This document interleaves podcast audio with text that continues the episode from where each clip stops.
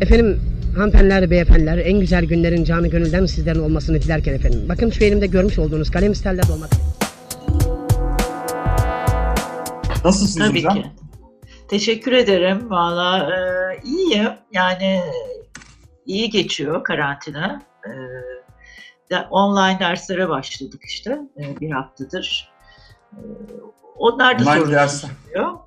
Onlardan dersler verim alabiliyor zaten- musunuz? Ee, Online dersler. Bana şu ana kadar sanki daha verimli gibi geliyor bana. Wow, e, çok iyi. Çünkü sınıfta böyle daha hani dikkat dağıtıcı şeyler olabiliyor. Hı. öğrenciler açısından daha sanki konsantre olabiliyorlar gibi. Yani aldığımız geri bildirim e, şu ana kadar e, verimli geçtiği yönünde. Bakalım e, nasıl Hocam, olacak e, ama iyi gidiyor. Şimdi bu podcast'i yeni açan arkadaşlar için ufak bir şey yapayım hemen. Yani hem ne konuşacağız hem e, kiminle konuşuyorum aslında biraz ona değineyim. Hemen sonrasında zaten e, size şimdi yakalamışken Barika Hoca'ya ne sorabilirim diye böyle olduğu gibi e, notlar aldım. Biraz yurt dışından kaynaklara baktım. Biraz Türkiye'de ne var ne yok e, incelemeye çalıştım. Bu hem kriz yönetim adına falan. Şimdi Barika Göncü ile beraberiz. Şu anda kendisi Bilgi Üniversitesi'nde e, doktor öğretim üyesi. Aynı zamanda e, itibar yönetimi, kurumsal literatür, kurumsal iletişim ortamı, kriz yönetimi ve iletişimi üzerine e, çalışıyor. Hem e, Halkla İlişkiler Derneği Yönetim Kurulu üyesi. E, hocam valla 10 elde 10 marifet şimdi burada yazmışım iletişim danışmanlığı şirketleri derneğinde yönetim kurulu üyesi. International Public Relations Associ- Association'da e, gene üyelik yapıyor. Şimdi Barika Hoca'yla e, aslında bu korona hikayesi yaklaşık e, Şeyi, şey, e, pardon, e. Zü- Zünneke, bu iletişim danışmanlığı şirketleri e, derneğinde artık yönetim kurulu üyesi değilim. Hani onu ha, düzeltelim. tamam. Ama Tamam. derneğin kurucu kurucu üyesiyim. Yani orada tüzel kişiler yani ajanslar üye oluyor. Hı. Ee, danışmanlık ajansın BG iletişiminde o dönemde kurucu üyeler Tamam. arasında yer aldım. Ama ancak şu anda daha onursal üyeliğim sürüyor İDA'ya. Çünkü Ha, süper. biraz meslek değiştirdi gibi oldum. Yani profesyonel olarak e, sektörde danışmanlık şu anda yapmıyorum artık. Daha Tamam. akademik e, tarafta e, çalışıyorum. Ee, şimdi bir söz var hocam. Yani şimdi bu konuşma da genellikle bu kriz iletişimi ve yönetimi üzerine olacak arkadaşlar. Burada tabii Barika Hoca ile konuşmam, e, peki konuşma istediğim en önemli sebeplerden bir tanesi hem zaten lisanstan, yüksek lisanstan kendisini tanıyor olmam, hem çalışmalarını da çok kıymetli buluyor olmam. Aynı zamanda yani Türkiye'de birçok kriz iletişimi noktasında da e, kendisinin de referans kaynaklardan biri olduğunu bildiğim için kendisiyle konuşmak istedim söyledim. Hocam kabul ettiğiniz için tekrar teşekkürler. Yani zaman ayırdınız. Ben çok Ee, ben çok teşekkür ederim. Ee, Böyle çok- her zaman. Sağ olun hocam. Valla bu mütevazılığınız karşısında zaten e, ben de ne sorabilirim diye bir yandan heyecanla, bir yandan böyle hevesle e, çıkarabildiğim her şeyi çıkardım. Hocam bir giriş yapayım. Tamam. Şimdi bu e, şey hikayesi vardır. Zaten bilindikti ama bence konuyu hakikaten çok net özetleyen e, cümlelerden bir tanesi bu. Mike Tyson'ın e, hani yumruğu yiyene kadar herkesin bir planı vardır hikayesi. E, üzerine e, konuşacağız aslında. Şimdi bu şirketler tehdit senaryolarına sizce hazır mıydı? Çünkü Ocak yani ortasından itibaren 15-20'den itibaren gerçekten bunun geleceği zaten söyleniyordu. Kaldı ki Aralık başında, Aralık ortasına doğru zaten Wuhan'da e, ortaya çıkan bir hadise var, bir kriz var ve yani ocağın ortasına kadar süren bir bir aylık süreçte zaten biz global çapta içeriklerde bunları görüyoruz. Böyle bir virüs var, geliyor, gelecek falan şeklinde. E Tabii, haliyle tabii. Türkiye'de de hani gelmedi, gelecek mi şeyler dalgalar geçiliyordu. Kazandık, başaracağız, birinciyiz ilk defa bir şeyde falan gibi şeylerden bahsedildiği noktada Türkiye'ye de girdi bu iş.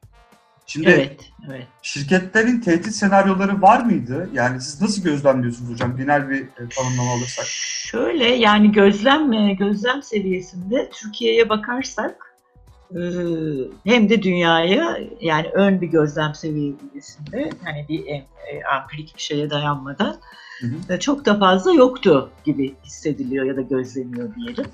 E, çok yeni bir araştırma var aslında. E, Institute for Public Relations, Halkla İlişkiler Enstitüsü'nün e, İngiltere merkezli 300 e, yani çok çok büyük bir örneklem değil ama yine de bir fikir veriyor bize. 300 tane kurumsal iletişim yöneticisiyle yani özel sektörde iletişim danışmanlığı yapan e, büyük kuruluşlara e, onları sorduğu bir araştırma var. Çok yeni e, sonuçları çıktı.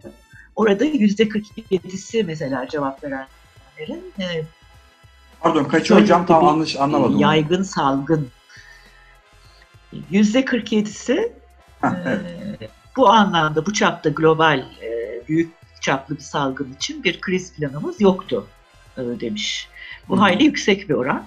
E, ama ona karşılık geri kalan yani yüzde 47'den geriye ne kalıyorsa şimdi onu Evet. bir dakika aslında şeyde açık. e, Ben de bir yandan bakmaya çalışıyorum ona ama. e, %53'te de bu arada küçük bir Yüzde oran değil 57 yani var. Ya %57'si demiş ki kriz iletişimi planımızda bulaşıcı hastalık e, yani bir salgın şeyi vardı. %47'si planlarımızda yoktu demiş.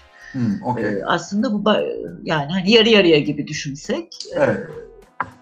yine de ama yani ilk anda özellikle şimdi belki bir toparlıyor özel sektör şirketler ama ilk anda bir afalladığını genel olarak herkes gözledim ben.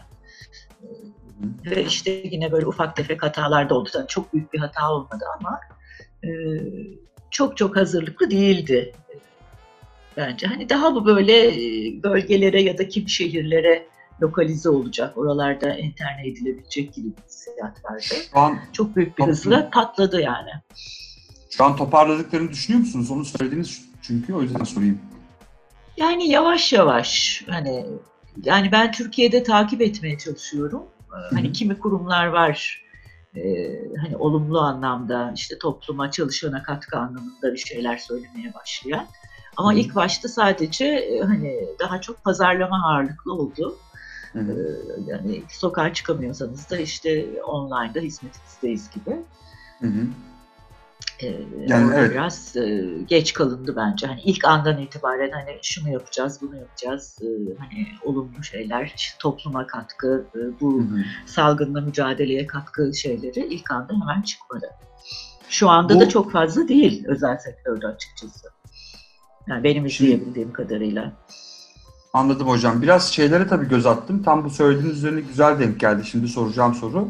Aslında eee, yani mesela şimdi büyük, şimdi global markalara baktığımız zaman bu kriz özellikle Google Search'te şey yarattım hocam. Son bir ayda yayınlanmış ne makale var diye. Yani içerik olur, haber olur, video olur eee, gibi hani elimizde ne var ne yok diye böyle bir tarama yapmaya çalıştım e, konuşmadan öncesinde. Normalde tabii Türkiye'de bu arada ben neredeyse hiçbir şeyin olmadığını e, düşünüyorum. Yani bu e, şirketlerin kriz iletişimi noktasında evet belki bazı kriz yönetim, şey, kriz e, noktalarıyla alakalı çalışmaları ya da idmanları olabilir ama bu virüs hadisesi gerçekten son 1-2 ayda bir anda ve hızla yayıldı. Mesela yurt dışında bazı özel STK'ların mesela atıyorum ya da şirketlerin mesela KPMG, McKinsey zaten e, ne olsa hemen bir raporlama ve hemen bir e, bir e, çalışma modeli e, sunmaya çalışıyorlar ya da bir yönetim modeli sunmaya çalışan iki tane büyük şirketlerin STK'ları da görebiliyoruz. Mesela Council of e, Non-Profits var, e, National School of Public Relations Association var. E, bunlar mesela bazı şey örnekleri. Hemen böyle kriz olduğu an, yani bu şeyin başına denk geliyor. Böyle Mart'ın başı, e, ocağın böyle ortası gibi hemen bunlar içerikler hazırlamaya başlamışlar. Benim gördüğüm o. İşte videolar çekiyorlar, webinarlar hazırlıyorlar. Şirketler birbirleriyle diyaloglarını arttırmaya çalışıyor. E İşte dediğim gibi white paper dediğimiz dijitalde dolaşan raporlar falan bunları oluşturmaya çalışıyorlar ama Türkiye'de ben çok açıkçası bir şey göremedim. Mesela aklıma benim bir anda hemen şey geldi hocam. Kurumsal İletişimciler Derneği geldi. Mesela bunun daha önde olmasını isterdim gibi bir his var içimde ama şu anda mesela onların çalışması var mı? Ve Türkiye'deki en büyük referans kaynaklar Kurumsal İletişim Derneği mi? Ben bunu merak ediyorum. Bir de Türkiye'nin iletişimcilerinin şu anda e, son şeyi sorayım. Türkiye'nin iletişimcileri şu anda nasıl gözlemliyor? Neredeler mesela? Yani makaleler hemen e, tamam şirketleri bir kenara bırakalım. Okey onların krizleri yoktu ama peki Türkiye'deki iletişimci insanları, iletişim bilimcilerinin bu noktada bir e, kriz yönetim planı var mıydı hocam sizce? Bence çok e, vardı diyemeyiz. E, gerçek gerçi kurumsal iletişimciler e, Derneği'nin hani yani böyle bir iki bir yerde demeci konuşması gibi bir şeylere rastladım ama çok kapsamlı değildi. İDA'nın bir şeyine henüz rastlamadım ama hani belki bir açıklama, bir şey yani başkanları aslında bu iki derneğin de başkanı bir şeyler söylediler. Hani bu kriz döneminde iletişim, hassasiyetlerle ilgili şeyler söylediler. Ama genel olarak bizim sektörümüzün sıkıntısı hani çok fazla e, böyle özellikle de böyle yaygın toplumsal ve sosyal konularda hemen bir laf etmek, hemen bir pozisyon almakta bir zorlanma e, açıkçası e, oluyor. Yani sivil toplum kuruluşları dünyada evet daha çabuk tepki verdiler ama özel sektör e, bize kıyasla dünyada yine hı hı. işte Coca-Cola Vakfı hemen mesela şey açıklamıştı. E, sivil toplum kuruluşlarına bu konuda çalışan sivil toplum kuruluşlarına bağış yapacağını e, açıkladı e, Amerika Birleşik Devletleri'nde. İşte zaten e, Bill Gates, Tümen'de Gates Vakfı onlar hemen bir şey yaptılar. Unilever'in şeyleri var globalde, çeşitli inisiyatifleri var. İşte e, nelere dikkat edilmesi gerekir, çeşitli bağışlar e, vesaire verilen mesajlar var. Ve Johnson Johnson'ın var mesela bildiğim kadarıyla. Lego bir şey ayırdı. Ali Baba'yı belki evet, herkes. O, evet o hocam şey o cloud tarafında da bir hem iç şeyi e, e, hem tüketim hem bu içerideki Çin Çin özelinde özellikle şeyin dağıtımı konusunda, ürünlerin dağıtımı konusunda. Evet, evet, evet. Ciddi yani Google çok e, bayağı bir şey 800 milyon dolar kadar sanıyorum bir fon ayırdı. Ee, işte şey e, hani bilmiyorum alkollü içecek söylemek sakıncalı ama Yok yok istediğiniz gibi hocam. Hocam Burhan Pazarlama'da her şey var. Buyurun. Tamam. Carlsberg ve Tuborg vakıfları da e, 13.8 milyon dolar şartlamış. Ben öyle birkaç not almıştım. Nesle Hı-hı. 10 milyon dolar bağışlamış. Yani şeyde e, globalde daha e, şey var. E, yani ben de şimdi hatta Erkan Hoca ile de Erkan Saka Hoca ile de e, konuştuk. Öyle bir diyalogumuz oldu. Türkiye'de özel sektör neler yaptı, neler yapacak hani onu da izleyelim e, en azından data olarak biriktirelim ve sonra analiz edelim diye. E, onu da düşünüyoruz. Tabii burada dışarıda görünen e, tarafından biraz bahsediyoruz ama içeride hani çalışanlara yönelik e, özellikle yapılması gereken e, alınması gereken e, aksiyonlar var. O, o noktada tabii çok fazla evet. içlerini bilmiyoruz ama var mesela Toyota'da Toyota'dan bir açıklama oldu. Evet, işten çıkarmayacağını dair. Hiç kimse işten çıkarmayacağına dair. Bunların daha çok daha yaygın, hani daha iş dünyası örgütleri kanalıyla da e, daha güven verici bir şekilde olması beklenirdi. E, bence hani çok büyük bir hazırlık yoktu ve çok proaktif ne sektör e, ne de özel sektör olamadı diyebiliriz özetle evet. Yani burada tabii şeyi yani sormak isterim. Yani şimdi diğerleriyle, diğerleri dediğimiz şöyle diğerleri. Yani iletişim bilimini bilen ve yapan, e, yapmaya çalışan, e, nerdisane bir şekilde katkılarımızı sunmaya çalıştığımız bir ortamdayız.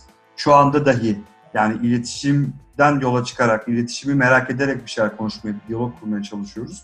Peki Tabii. yani bizim eksiğimiz ne hocam? Yani bunu bir eksik, bu bir eksiklik doğru mu? Yani bir proaktif olmama hali, korku olabilir vesaire olabilir. Okey ama yani akademiden kopukluğa ben bir de bağlıyorum. Çünkü diğer yayınlara baktığım zaman mesela National School Public Relations'da bir ufak bir şey araştırmaya şey başladım. Orada Amerika'da bazı üniversitelerden ve sektörlerden aldıkları şeyler de var bazı e, makalelerde. Yani sanki akademi de sektör böyle o kadar dirsek teması gidiyor ki yani hiçbir kuvvet yıkamaz ki hocam zaten bunlar hiçbir yani e, şöyle evet biraz daha temas var ama aslında bakarsan bu hani akademinin ve sektörün biraz temassızlığı dünyada da bir sorun.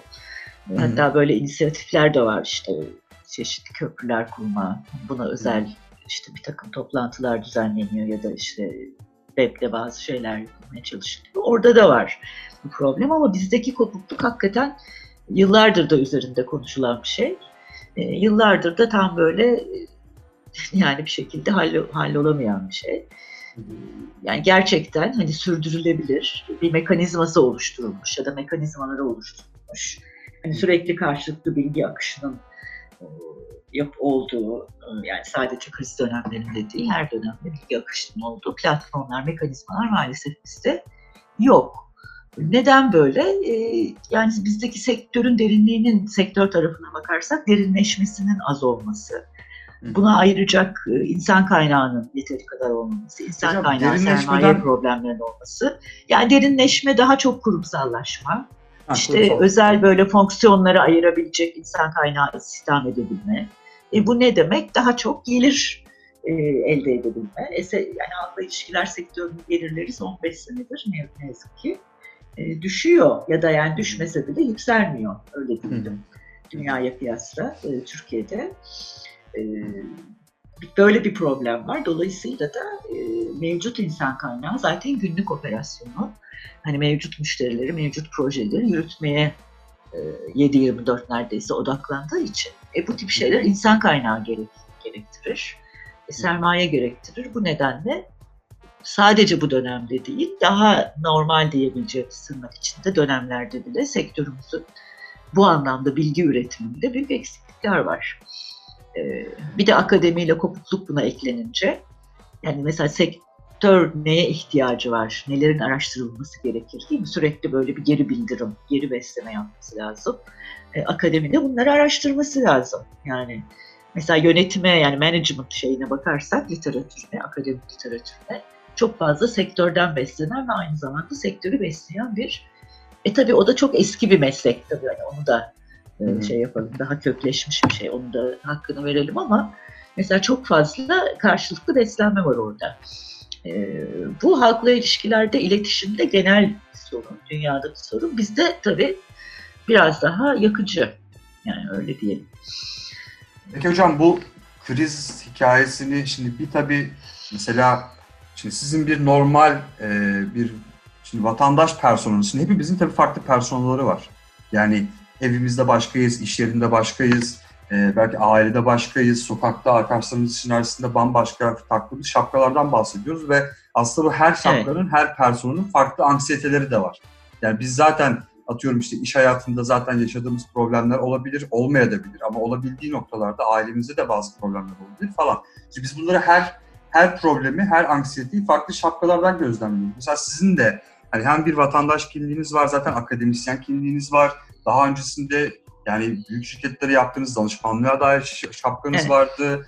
Hani şu anda mesela her şapkadan mesela akademiden baktığınız zaman sadece nasıl gözlemliyorsunuz hocam? Mesela yani geçen bir arkadaşım, arkadaşımla şey konuştum. Bundan 100 yıl sonrası için bugünün bütün yazıları belki bu podcast'e dair hocam sizinle yaptığımız podcast'te yani belki bundan 100 yıl 150 yıl sonra eğer e, hiç, her şey yolunda daha da yolunda giderse e, belki dinlenecek, belki geleceğe kalacak bazı şeyler olacak. Akademi bunu Evet. fırsat olarak görüyor mu? Mesela yani vatandaş tarafından yaşadığımız anksiyeteler çok başka ama hani akademi şapkasından baktığınız zaman böyle bir fırsat görebiliyor musunuz tırnak içinde? Ee, Evet, fırsat tırnak içinde demekte fayda var. Çünkü hassas ve insan hayatıyla ilgili Evet. bir şey olduğu için. Hani fırsat böyle biraz hani negatif konotasyonda olduğu için.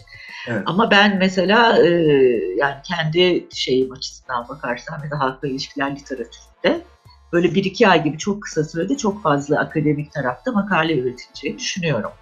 E, Çünkü data birikmiş olacak. E, Data biriktirdiğini de düşünüyorum akademisyenlerin.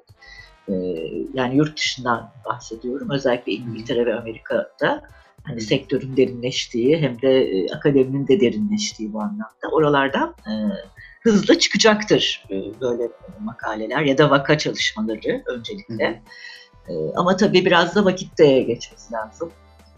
Çünkü mesela bu şeyde e, bahsettiğim biraz evvel araştırmada %53'ü katılanların demiş ki işimize orta ya da fazla şiddette yani az değil yani en az orta şiddette etkisi oldu. Tabii ki zaten öyle. Hı hı. Hani çalışma biçimleri değişiliyor, değişiyor vesaire. Bir sürü etki işte. Hocam bu arada lafınızı. Olur. Ee, yani küçük küçük ve orta şirketlerin zaten e, yani hepten Tabii, tabii. bir aylık ömürlerinin kaldığı bir süreçten bahsediyoruz. Yani Tabii evet, tabii bu bahsettiğim zaten daha büyük şirketler. evet hocam. Fakat doğru. mesela ilginç %83'ü demiş ki potansiyel etkisinden endişeliyiz demiş iletişim Hmm. yöneticileri. Yani daha bilmiyoruz hani. Ee, Çünkü şu anda yaşanıyor bu. Yaşanırken anlamaya çalışıyoruz. Hani Evet. daha potansiyel etkisi ne olacak? Ee, onu bilmiyoruz. Ee, yani o açıdan ilginç bir şey mesela %80 için böyle bir endişe olması ve doğru bir endişe bu bence. Doğru. Doğru Çünkü ve bayağı da kaygı. bakarsan. Yani ben şeyden beri yani 2008 e, ekonomik kriz, global finansal kriz işte ekonomik kriz neyse ondan beri çok büyük bir zemin kayması olduğunu zaten düşünüyordum ve gözlemliyordum. Derslerimde de bundan bahsettim ya da farklı platformlarda konuşmalarımda. Yani büyük bir zemin kayması oluyordu zaten şirketlerin. Özellikle de büyük bir global e, yapıların. Biraz açar mısınız hocam? zemin. Zemin kayması tam Yani işler anlamadım. artık eskisi gibi olmayacak. Hani yılların işte 10 yılların e, getirdiği e, iş yapış tarzları, bakış açıları, Hı hı, e, tüketicilerin şirketlere karşı, markalara karşı pozisyonları. hı hı. O kadar çok şey değişti ki 2008'den beri. Bunu hissedebilen ya da işte proaktif bunu görebilen bazı kurumlar oldu. Ama çoğu büyük şirket dünyadaki Hı hı. işler eskisi gibi yürüyor gibi yaptı yani çok genel olarak çok kabaca bakarsak. Ve tabii buna bir de şeyi eklememiz lazım. Bu sürdürülebilirlik manzumesi işte bu sustainability denen şey. Büyük bir literatür oluştu. İşte sürdürülebilirlik girişimleri, şirketlerin çeşitli inisiyatifleri, projeleri vesaire. Ve ben mesela bunun da sürdürülebilir bir şey olmadığını düşünüyordum. Çünkü bütün bunlar yapılıyordu ama e, iklim vesaire vesaire bir sürü konudaki göstergelerde sürekli kötüye gidiyordu. Yani bir problem e, zaten vardı ve bu işte bu virüsle belki bize patladı ama başka bir şekilde de patlayacaktı zaten bu. Yani buradan e, Hı hı. zayıf bir noktadan, zayıf bir karından patladı. Bu anlamda zaten e, bunun bir devamı gibi görüyorum bu sarsıntının ben bunu. Hı hı. Ee, ya da belki daha şeyle de başlıyor. İşte ikiz kulelerle başlıyor. Hani o globalizm çok Evet, evet. alması. Ve sonrasında işte bu şey e, ekonomik kriz. Hani bize teğet geçti o belki ama bunu mesela Batı ülkeleri çok şiddetli yaşadılar. Biliyorsun. Doğru yani tabii büyük hantal tüketiciler. Evet Doğru. hantal yapılar artık Daha- olmuyordu yani. Evet. Evet, evet. Yani Hocam, bu tabii sırf iş evet. dünyası bakımından, yani bütün dünyayı ilgilendiren, bütün kurumları ilgilendiren bir şeydi. Bu biz hani iş dünyası ya da işte iletişim, onların iletişim tabii. bakımından bakarsak hani öyle daraltarak konuştuk. doğru. Ee, Ya zaten hocam böyle şey yani bu lazım. çok e, Evet, evet. dinliyorum hocam buyurun. E, Dolayısıyla hani bu işte potansiyel e, şey denen e, potansiyel etkisini göreceğiz daha.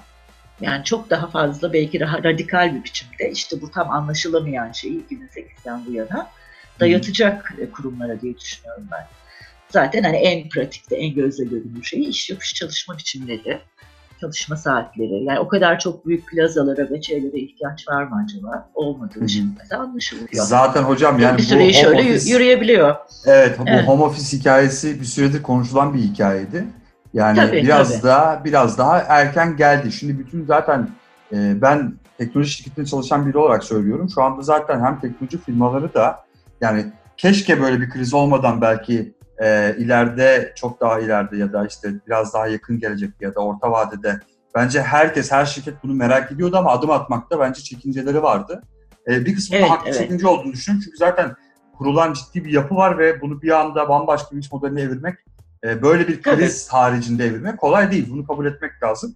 Ama şu anda biraz o Tabii. konuşulan hadise biraz erken geldi. Yani şu an E, mecbur teknoloji- oldu. Evet. Doğru. Hocam devletler bile bakın yani e, Evet. ben hayatımda ilk defa e, bu Ekrem İmamoğlu'nun bir paylaştığı fotoğraf vardı. 60-70 tane belediye başkanının Zoom üzerinden yaptığı bir görüşmeyi gördüm. Hayatımda ilk defa böyle bir görüntüyle karşılaştım. Aslında çok basit ve e, timeline'da direkt akıp kaybolacak bir görüntü belki ama bence çok önemli bir görüntü. Yani Ekrem İmamoğlu olduğu için önemli demiyorum. Yani o görüntü anladım, aynısı anladım. Heh, yani Evet. aynısı oradaki görüntü şu. Aslında bu insanlar ya da diğer devlet yöneticileri de aynı şekilde Zoom üzerinden zaten görüşüyorlar. Bakın biz de Zoom Evet. üzerinden görüşüyoruz. Yani zaten Evet. hadise e, gerçekten e, o tüketim e, ekonomisini e, yani bu tüketim ekonomisi derken e, zaman, para, e, mekan, e, madde, kıyafet, ne bileyim e, aklınıza gelecek tüm tüketim e, ekosisteminin içine giren her şeyin biraz daha belki baştan sorgulanabileceğini de gösteren bir görüntü. Çünkü Kesinlikle. bu insanlar oturdukları yerden dünya yönetebilecek insanlar aynı zamanda. Aslında çoğumuz öyleyiz. Yani gerekli Evet. belli başlı kıstaslara verildiği noktada hani belli başlı kıstaslar dediğim işte eli ayağı düzgün bir bilgisayar, eli ayağı düzgün bir internet, eli ayağı düzgün bir network, eli ayağı düzgün bir iş yapış modeli verildiği zaman zaten Tabii. oturduğunuz yerden e, tırnak içerisinde dünyayı yönetebiliyorsunuz. Bunun şu anda örneklerini yaşıyoruz. Hem devletler nezdinde hem e, ne bileyim şirketler nezdinde hem kendi Kesinlikle. komünitelerimiz nezdinde. Yani şeyi görüyorum artık insanlar e, tabii ki kolay değil ya o işin şaka tarafı da hani birbirlerine şampanya, şarap bardakları ya da çay bardak, bardakları kameralarına götürerek birbirleriyle selfie çekiyorlar. Yani Evet. öz çekim öz çekim vardı şimdi bambaşka bir şey oldu. Yani dediğim gibi şey oldu evet. ya, yani yaşayıp göreceğiz. Peki hocam bir Tabii yani yaparsın. şeyi de ek, buyurun. şeyi de buna ekleyelim o sorudan önce hani bu el iş yapış şeyleri bir de tabii tüketim alışkanlıkları da e, yani özellikle işte markalar bakımından çok iyi gözlenmesi gereken bir şey olacak önümüzdeki süreçte. Şimdi bütün ma- mağazalar her şey kapalı. Tamam online alışveriş var ama e, bir sürü de ihtiyacımız olan şeyi yapmadan duruyoruz işte 2-3 haftadır. E, Yani gerçekten ihtiyacımız var mı bu tükettiğimiz şeylere? Yani Ya en gerçekten son- gidip bütün o mekanlarda durmamız Doğru. gerekiyor mu?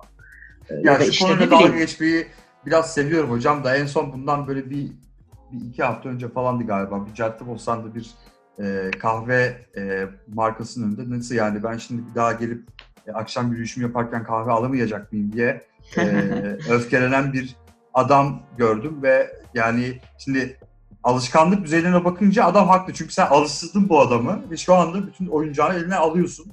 Ama diğer Evet. taraftan bakıldığı zaman da yani markaların da sokaktan çekilmesiyle beraber ne yapacaklardı yani e, Tabii. sinek mi avlayacaklardı noktasında bir soru doğuyor.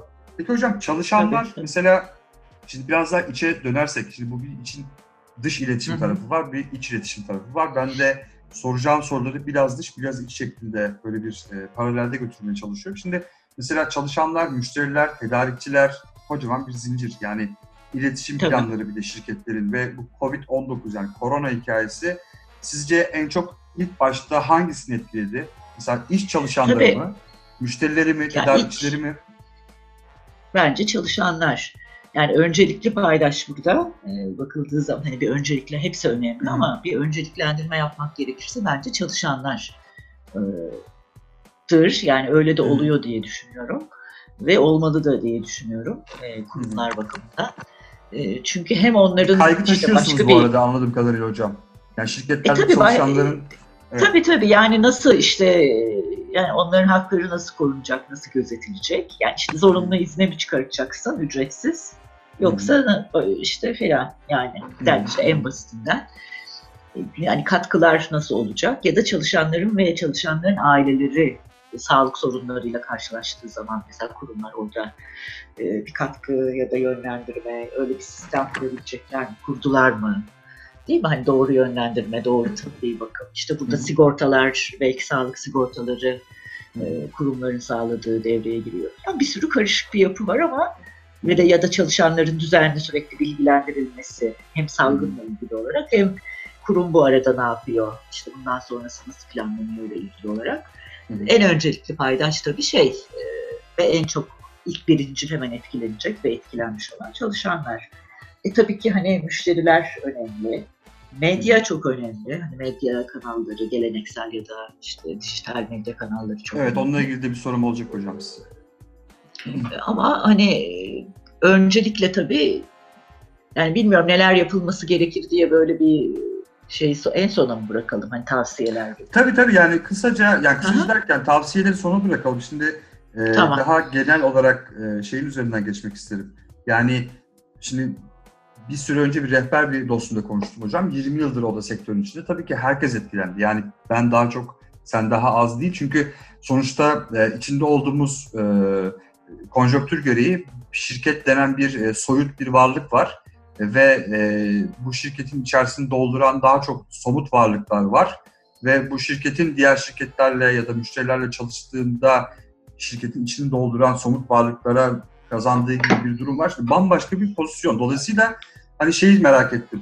Yani şirketin içerisini bir e, hiyerarşi olarak düşündüğünüz zaman ya da dışını da hani müşteriler mi, çalışanlar mı, tedarikçiler mi? Sonuçta herkes etkilendi ama en çok hangisi etkilendi? Ben onu e, merak etmiştim. Siz de zaten çalışanlar üzerinden gidilen bir iletişim daha doğru En çok olacağını. çal- çalışanlar öncelikli olmalı. Tabii bir de özellikle de Evet. sahada çalışan ve çalışmak zorunda olan ekipleri olan kurumlar çok daha buna dikkat etmeli. Yani işte dağıtım firmaları olsun, işte hı. çeşitli hani hala e, sokağa çıkıp hizmet yapmak durumunda olan çalışanlara sahip olan Doğru. için çok çok daha öncelikli. E, Hı.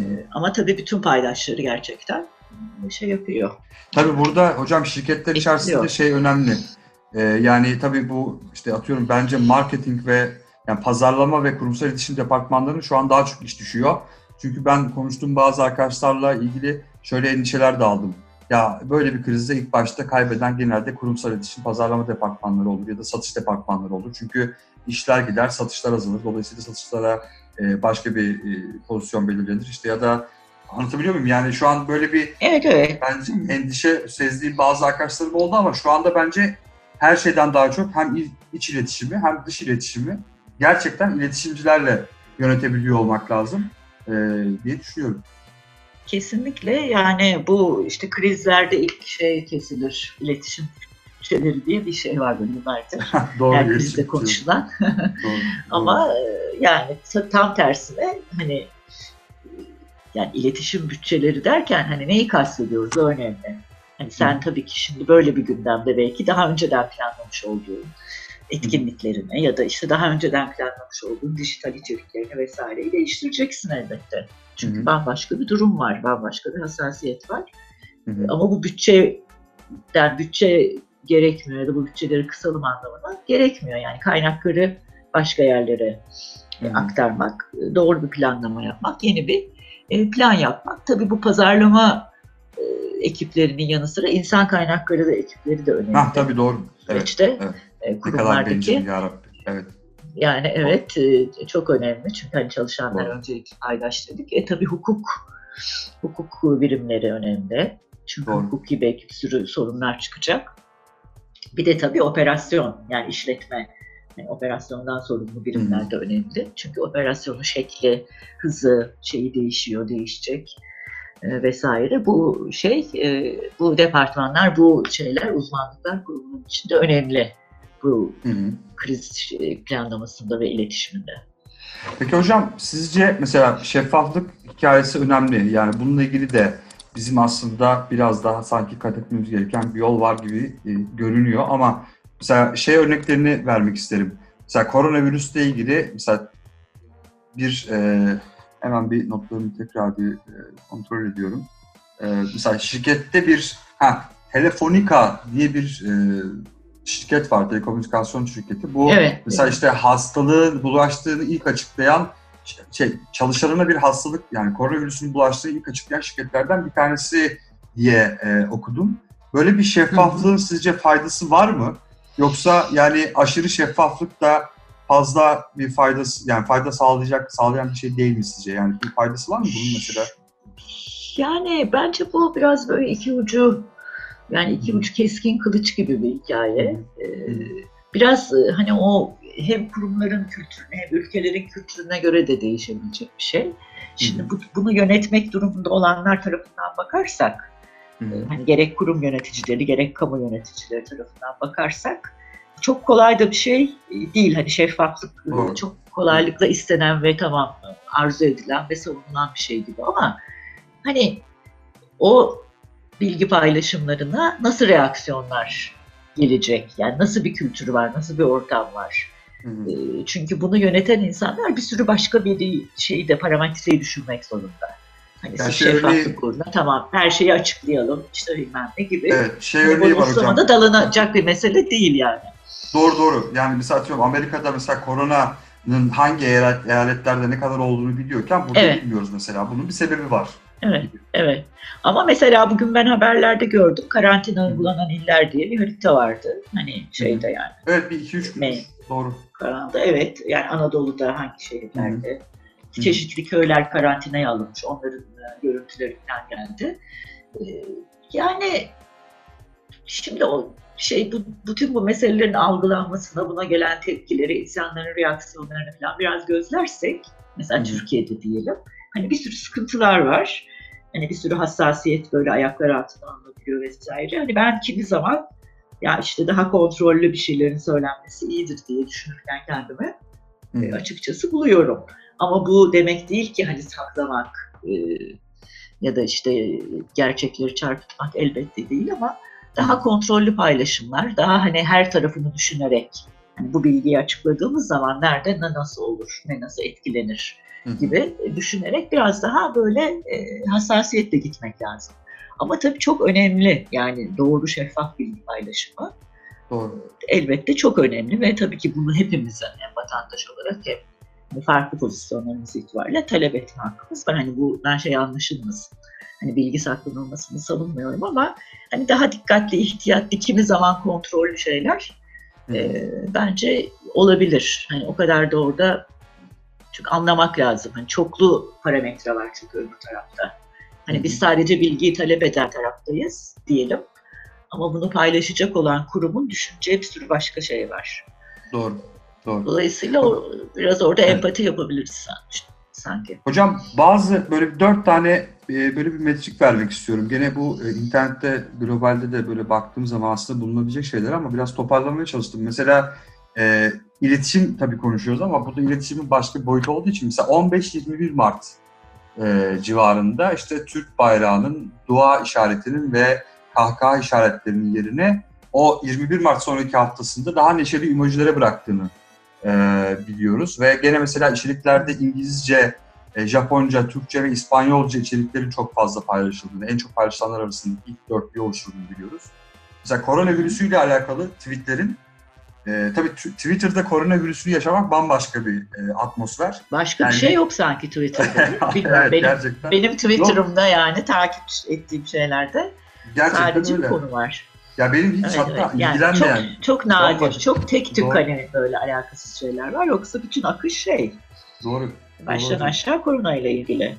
aslında burada şeyi söylemek lazım. Ee, yani tamam yani koronavirüsü tamam bizim ana konumuz şu anda da. Yani bu kadar mesela publisher dediğimiz gazeteler, dergiler, dijital platformlar yani herkesin her şey süt limanken işte krizden işte krizden korumak için yapmanız gereken 10 şey, bilmem ne yapmak için yapmanız gereken 5 şey gibi listeler yayınlarken ya şu an yapmalılar. Şu anda üzerine eğilmeliler. Gerçekten şu anda tırnak içerisinde bu fırsatı ben biraz fazla kullanıyorum. Geçen yayında da bir arkadaşla konuşurken hocam orada da fark ettim ama yani bir şeyin de adını koymak lazım. Şimdi bunlar evet yani bir kriz ortamı var ama iletişim adına gerçekten iyi kullanılabilecek çok da fazla o şey var. Yani iyi kullanılabilecek derken hani üretim adına çok güzel şeyler yapılabilir. Ee, şeffaflık Evet. olarak yani hani içerik Tabii. üretimleri olarak, dijitali beslemek olarak hani herkes suskun şu anda. Bu sus- susmanın faydası var mı? Çok susmanın faydası var mı? Ee, yani hiç- hiçbir şey yani- yapamadığımızdan mı susuyoruz yoksa yapmayı mı tercih etmiyoruz? Yani susulabilir hani bir müddet. Çünkü ya hassas bir durum aslında şimdi. Bir de Hı. yani virüsün kendisi bile tamam tanınmadığı için bir bu var. Ee, bir de gerçekten çok hızlı bir şekilde bütün dengeleri alt üst etti. Hı hı. Ee, işte o gündelik gündelik akış, gündelik hayat akışı e, durdurdu yani bütün dünyada. Bu bayağı önemli bir şey. Hı O hı. yüzden e, elbette tabii ki hani iletişim sürecek ama hani böyle bir bir kibinik bir kabuğuna çekilme, e, bir şey biraz durma, hani kimi biraz sessiz kalma e, bence olabilir ama e, işte o aslında hazırlık yapmak için, e, içerik hazırlamak için ve proje hazırlamak için yani iyi bir zaman. Daha çok ben mesela o tarafını önemsiyorum. Hani daha çok bir anda e, paylaşımdan çok bir altyapı oluşturmak. İşte ne olacak yani bundan sonra? E, planlanmış bir sürü şey değişecek. Dolayısıyla onları hazırlamak. Yani işte neler değişecek, nasıl olacak bu yeni döneme? Bir yeni dönem olacağı kesin değil mi dünyada hani? Tabii tabii. Yani Öyle iletişimde de gözüküyor. bir yeni dönem olacak. Ha iletişimde ne olacak işte pazarlamada Belki- ne olacak işte şey nasıl değişecek Doğru. hani bütün bunlara hazırlanması bakımından kurumların çok iyi bir fırsat. O açıdan çok iyi bir fırsat çünkü daha çok vakit var biraz hani işte trafikte vakit kaybedilmiyor ya da zaten vakit olmasa bile e, bunun için özel takımlar kurulup çalışılıyor olması lazım şu anda. Farklı Yani iş hatta- birimlerinin çalışıyor olması Hı. lazım bunu. E, vakit şirketler- kaybetmeden. Pardon. Evet. Belki şirketler Tabii. hocam ileride şeyi bile söylüyor olabilecekler. Yani artık ürünlerin ne kadar e, ucuz ya da ne kadar e, hani faydalı olduğundan ziyade ne kadar sağlıklı da olduğunu belki mesajlara ekleyecekler, PR içeriklerine ekleyecekler. Yani çünkü bambaşka bir boyutları da işin içinde olacak Tabii. diye düşünüyorum yani. Tabii tabii var yani yani beslenmeyle ilgili bir boyutu var hani o tamamen bayağı başka bir şey hani ama e, e, zaten orada da bir dönüşüm ve değişim böyle ayak sesleri vardı. o biraz daha hızlanacak gibi e, gözüküyor. Hani daha işte sağlıklı beslenme ya da işte bu hayvanları yeme konusu Hı hı. e, ya da hayvanların habitatlarına gidip orayı e, karıştırma ya da işte habi- habitatlarını bozup insanla yakınlaştırma onları. E, yani görmüşsündür yani çok fazla bu konuda içerik paylaşımı var. Hani bütün Tabii o hocam zaten bu tarihteki hikayesi- bütün virüslerin nasıl onu çıktığına diyecektim. dair. Yani bu Ebola Evet.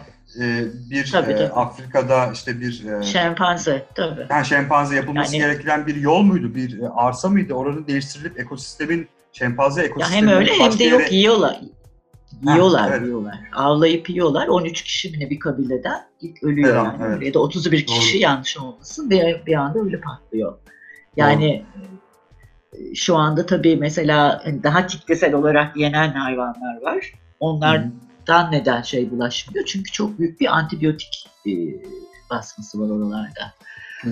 Yoksa mesela düşünsene hani o kadar yakın mesafede birbirine doğan kümeslerde yüzlerce tavuk mesela niye hastalanmıyor? Ki hastalandı hani kuş gribi oldu. Ee, Doğru. insana atladı. Niye hastalanmıyor? Çünkü aşırı bir antibiyotik e, kullanımı var. Hı hı. Ama bu hep böyle olabilecek, hep böyle baskılanabilecek demek değil. Hani bambaşka beklemediğimiz yerlerden bu işler patlayabilir. Doğru, Onun için hani bu yemek yeme alışkanlıkları yani hayvanları e, yani Çinliler Yani şempanze yemeyin. Yani yarasa yemeyin gibi en azından daha böyle Ha, ama öyle öyle söyleniyor da o tabii türcülük oluyor.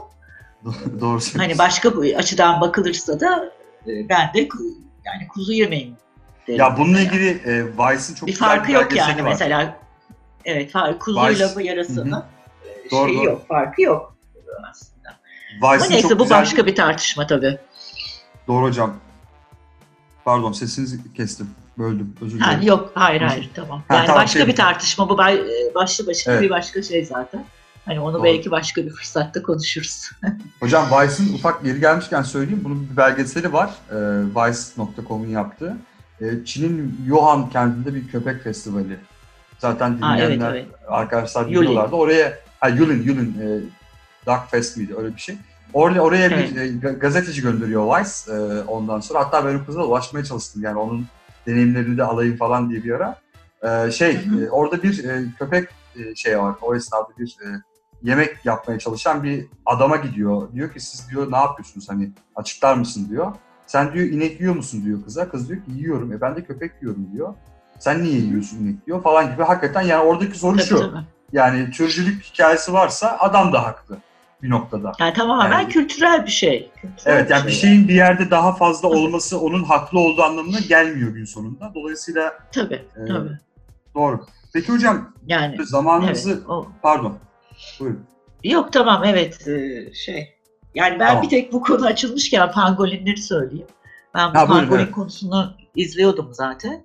Hı hı. Bu zavallı hayvancıkları yıllardır Afrika'dan işte bir başka Evet. ülkelerden kaçırıp kaçırıp e, öldürüp işte pulları hem pulları böyle bir eşyaları yapıp hem de Hı hı. e, şifalı şey yağlar çıkartmak geleneksel tıp için kullanılıyor hem de etlerini yiyorlar. E, ve hatta çok fazla inisiyatif var bu pangolin. Çünkü soyları tükenmek şeyine geldi Hı pangolin. İşte bir teori var hani kanıtlanmadı ama bir şeye göre yarasadan pangoline atladı. Pangolinden insana mutasyona uğrayarak diye. Ee, pangolinler önemli. Yani öyle söyleyeyim. Bu bahsi kapatmak, kapatmadan önce. Ve çok da Hı. güzel bir hayvan. Vallahi ben de çok seviyorum. Hatta onun Pokemon'u bile vardı küçükken.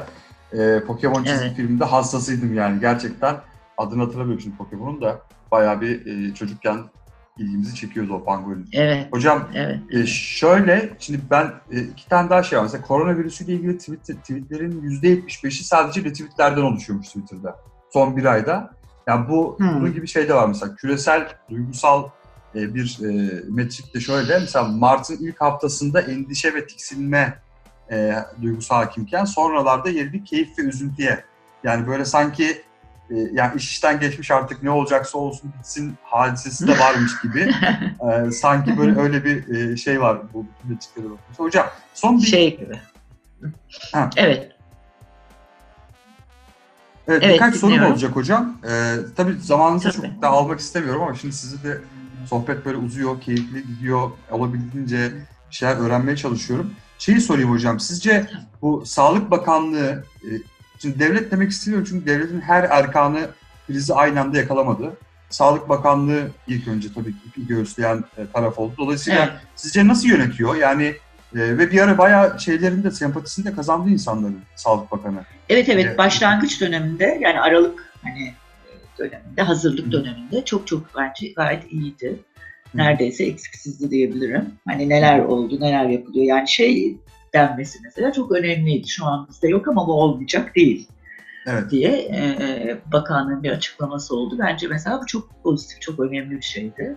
Hani asla bize gelmez, bize olmaz gibi hani inkarcı bir yaklaşım değildi.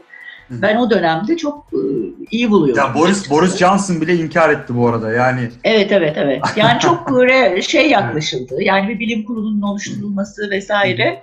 Aslında bence bir sürü şey yapıldı. Yapılıyor da. Olumlu şey yapılıyor. Hatalar, eksiklikler yok mu var. Ama burada işte hani benim tavsiyelerimden biri de buydu. Yani sadece eleştirmek yerine ya öyle değil de bak şöyle yapılabilir. Onu böyle değil de iletişim bakımından şöyle yönetin gibi. Yani iletişimcilere düşen hani ben o taraftan o şapkayla bakınca Hani böyle yapıcı önerilerle. E, Çünkü hakikaten kolay bir şey değil şimdi o pozisyondaki insanları da düşünelim e, doğru. yönetmek. E, Ama bence böyle hani çok kötü diye diyemeyiz. Hı hı. E, süreç geliştikçe tabii sayılar arttıkça vesaire sıkıntılar oluyor. Ama bence iyi yani hani e, geçer not alır öyle diyeyim. Tamam. Hocam bu e, şeyi ne dersiniz? Mesela e, şimdi bu sizce buzdağın görünen kısmında mıyız? Yani hem şirketler için hem devletler için. Yani şimdi tabii, Tabii tabii. Tabii. herkes kesinlikle. yoğurduyu üfleyerek yiyor. Yani ne dersiniz o konuda? Tabii tabii yani e, dediğim gibi bu şey e, bu da başlangıç diyecektim ama o da şey Evet. kodlandı değil mi? Onu da söylemeyin. Vallahi hocam e, çok Şey- se- sevdiğim yani şeyin şairin şi- şiiridir. Bu daha başlangıç mücadeleye devam. Devam. E, evet, evet, evet. evet. Buyurun. Yani tam- tamamen öyle. E, gerçekten hani büyük şeyler olacak. Büyük değişimler olacak. Bilemiyoruz şu anda. Gerçekten. Hani nasıl hekimler diyor ya bilmiyoruz daha virüsü.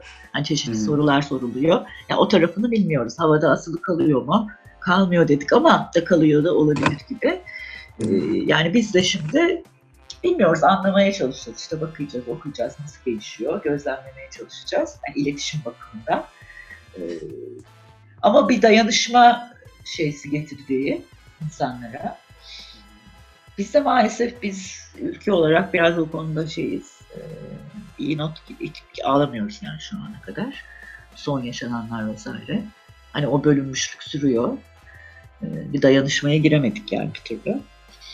Ama hani politikacıların olsun bütün dünyaya bakıldığında insanların birbirine yardımlaşması, şefkat duygularının artması, empatinin artması bakımından bir de öyle bir büyük bir şey var. Hani e, öyle de bir şey var. E, ama e, bir o kadar da e, hani benim daha çok gözlediğim hani ne zaman bitecek bu ve devam edeceğiz artık hayatımızda bir şey var. Ha işte Evet. o şeyden çıkması gerekiyor. Hem kurumların hem iletişimcilerin hem de vatandaşların. E, Çünkü hani öyle olmayacak hani. Bir gün bitecek ve herkes hı. eskisine dönecek her şey. Galiba olmayacak öyle. Yani, Yani e, şu evet, anda hissiyatımız o. Bilmiyorum. evet. Evet hocam. Değişik olacak yani E, bundan sonra. Bu arada bir hemen öz eleştiri yapmak istiyorum. Deminki yani bu şiir diye bahsettiğim benim Bertolt Brecht'in bu ya hep beraber ya hiçbirimiz şiiriydi. Ben onu karıştırdım. Hemen bir öz eleştiri yapıp kenara koyuyorum. Ee, sonrasında hocam son bir sorumu sorayım size. Bu literatürde şey var, e, kuramsal savunca kuramı. Bu yani corporate apologia dediğimiz şey böyle, özür stratejisi. Şimdi Hı hı. Türkiye'de son dönemde tabii en büyük kriz iletişim, yani krizlerden bir tanesi şüphesiz Pegasus. Yani Pegasus'un gerçekten e, hem bence kendi adıma fikrimi söylemek gerekirse e, yöneticisinin çıkıp e, ne kadar zorlandığını aslında hepimiz gördük. Kendi adıma da yönetebildikleri kadar e, iyi yönettiklerini de düşünüyorum. Tabii ki işin hiçbir şey kazanın önüne ya da giden canın önüne geçemez. Hiçbir zaman geçmeyecektir. Bu sadece kriz yönetimi adına sormak istiyorum. Sence, şey, sizce burada bir e, özür stratejisini nasıl değerlendiriyorsunuz hocam? Son soruyu da sorayım. Sonra da kapatalım. Yani e, özürde iki yön var. Hani bu apolojik e, şey meselesinde bir gerçekten hani içtenlikle özür dileyip niye bunun olduğunu anlatıp ve bir daha olmaması için ne yapacağını söylemek. Bir de e, ya biraz hani şey gibi böyle başka şeylere atmak dışarıdaki. Hı hı. Hani tam böyle yaptılar demiyorum ama Hı hı. ya işte biraz ya ne bileyim mesela o kadar yani daha profesyonel beklenir böyle durumlarda. Hani şimdi batıdaki örneklere falan bakarsak evet tamam çok üzücü bir olay, acı bir olay, hayatlar kaybolmuş ama daha profesyonel, daha duru hani Hı hı. yani biraz öyle sempati istemek gibi hani duygusal şeylere girmek mesela bence çok hoş değil. Ee, yani tamam yani üzülüp ağlayabilirsin ya da neyse onu kendi kendine yap yani gibi düşünüyorum. Evet. Evet. Ben onu mesela çok sadece- sempatik bulmadım. Evet, sadece ağlaması üzerinden e, söylemek istemedim. Onu hemen açayım. E, bütün Hı hı. branding üzerinden de bir e, kriz haline bürünme hali vardı. Yani sadece şey de değil işte. Tabii tabii yok Yaptıkları Doğru. şeffaf açıklamalar oldu mesela yer yer. Tabii biraz beklediler Tabii, tabii. ilk başta. İnsanlar cevap da bekledi. Ama mesela işte bütün hesapları, mesela LinkedIn'de kocaman bir hesapları var. Oradaki işte kriz iletişimleri bence takip ettiğim kadarıyla tabii ki hocam. E, çok şey değil. Tabii ağlama konusu tabii bambaşka bir boyut. E, evet. buyurun. gerek gerek yok yani evet. Hı hı. Yani o şeyi bana hatırlattı. Soma e, faciasında işte evet. şirketin şey demesi ya işte günlerdir uyumuyoruz falan ya da neyse. Doğru, doğru. Ya da işte yetkililerin işte gömleğimi değiştiremedim beş demesi falan gibi. doğru. Çünkü hani o ölçülemeyecek başka bir şey var ya diğer tarafta. Hani hayatlar Doğru. gitmiş. Orada hani kendini veya kendi zorluğunu öne çıkarmak e, çok profesyonelce gelmedi bana. E, Ama yok yani şey değildi hani çok kötü yönetildi diyemeyiz. Ona Hı. katılıyorum. E, Yani benim böyle 3-5 şeyim vardı. Hani bu zamana dair böyle birkaç tavsiye. Hani onları hazırlamıştım. İstersen hızlıca onları Şimdi- söyleyeyim. Tabii hocam. Bitirebiliriz. Buyurun hocam. Yani senin başka sorun yoksa tabii. Yok benim e, bana bıraksanız ben sabahlara kadar soru sorup Ha, tamam. potansiyelde şu anda. O yüzden beni hiç bana bırakmayın sizi dinliyorum hocam. Ee, tamam birkaç böyle tavsiye var. Şimdi işte şöyle ya da böyle mesajlar verecek kurumlar. Ee, içerikler oluşturacaklar. Hani sadece kurum açısından bakmamak burada. Tabii bu her zaman zaten böyle ama bu dönemde özellikle çok farklı paydaşların farklı hassasiyetleri olabilir. O yüzden onları çok iyi değerlendirmek lazım. Kim için nasıl etki yaratır bu içeriklerimiz ve mesajlarımız? Birincisi bu. Hı hı. E, dilde işte biraz bu demin biraz evvel konuştuğumuz şeye de bağlı. Dilde böyle çok yalın ve sadelik, fazla dramatize etme, hani çok fazla duygusal böyle bir hallere girme e, falan onlar samimi gelmiyor insanlara. E, hani üzüntüyü belirtirken de çok dramatik şeyler oluyor ya bazen. Hı hı. E, arkada dramatik bir müzik döşenmiş falan şeyler. Evet. Bence onlardan kaçınmak çok yalın ve sade bir şeydir. Benimsemekte fayda var. Tabii ki umut vermek, hani e, mesajlara umut katmak önemli. E, yani iletişimciler için belki bir şey bu. Hani iyi örnekler, iyi uygulamalar e, bu döneme dair, bu krize onları şey yapmak, yaygınlaştırmak, paylaşmak e, önemli. E,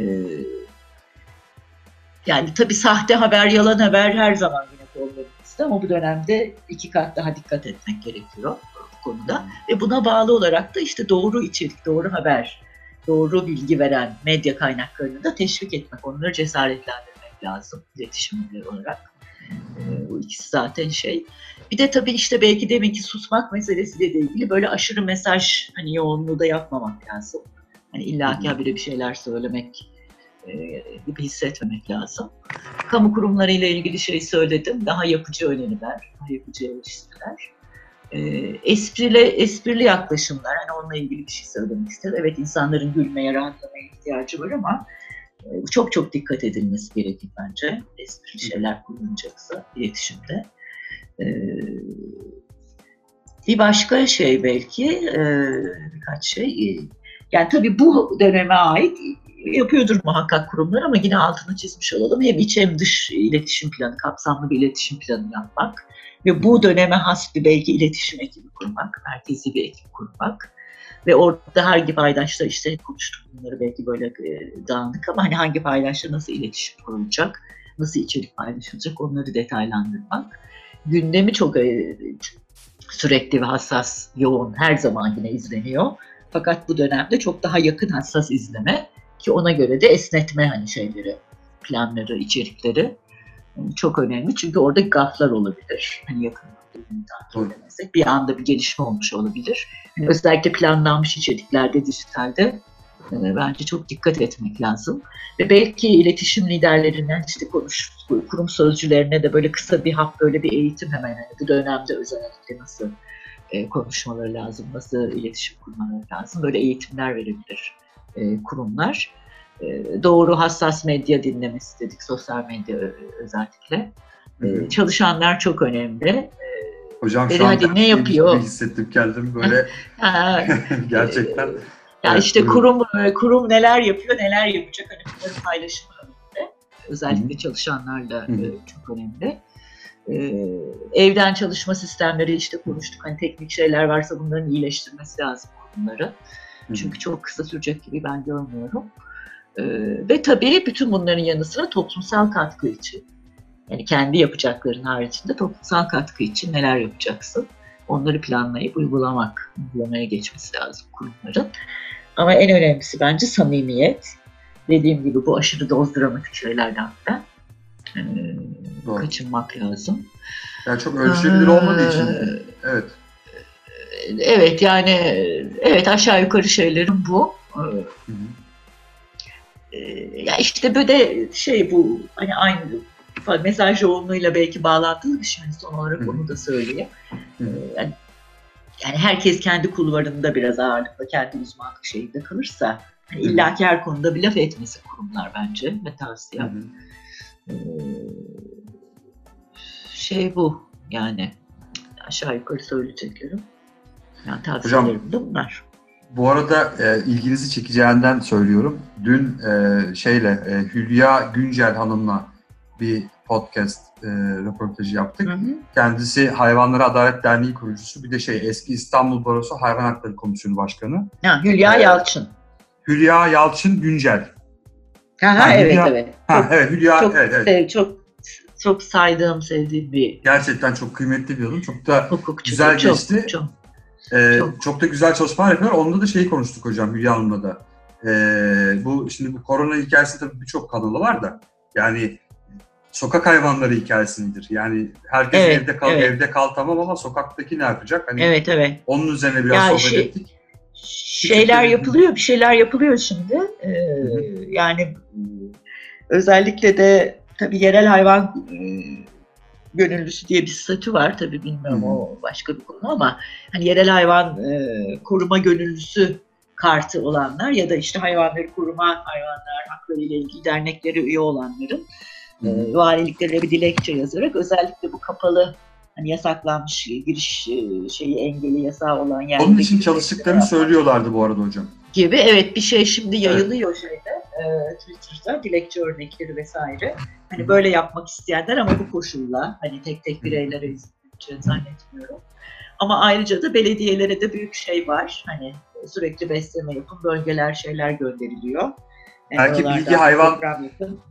Belki bilgi hayvan Bilgi dostları hayvan olarak da da pay- paylaşacağız şimdi. içerik arkadaşlarımız hazırlıyor. Hani bu içeriği Vallahi ne güzel olur. Bizde kampüste zaten e, gönüllü öğrencilerimiz var. Onlar için izin aldık yönetimden. Bir liste yaptık. Santral İstanbul'da yapıyorlar. Evet direkt ve bu arada evet evet şekilde. Santral İstanbul'da gönüllülerimiz her gün besleme yapıyor. Arada gelip giden hocalarımız var. Hı hı. E, mümkün olduğu kadar orada e, şeyi tutmaya çalışıyoruz. Çok yani güzel. Aç kalmasın diye kedilerimiz, köpeklerimiz onda çalışıyoruz bu arada. Hocam valla size ne kadar teşekkür etsem az. Yani Ben e, çok teşekkür ederim. Muazzamdı yani. oldu Benim için. Umarım İnşallah faydalı de olmuştur. güzel geçmiştir. İnşallah e, Benim için doğru çok ve- keyifliydi. çok sağ olun. Benim için de öyle. Çok çok teşekkür ederim Harun. Ben Ee, çok teşekkür zaman, ederim hocam. e, Nasıl bir katkımız olabilirse her zaman. e, Çok teşekkür ediyorum hocam.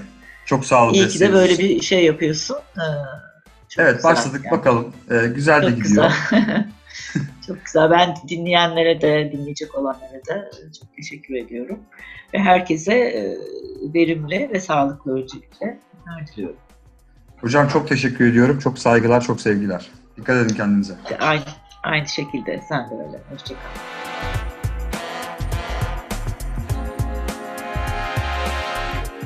Efendim hanımefendiler, beyefendiler en güzel günlerin canı gönülden sizlerin olmasını dilerken efendim. Bakın şu elimde görmüş olduğunuz kalem stelle dolma kalem.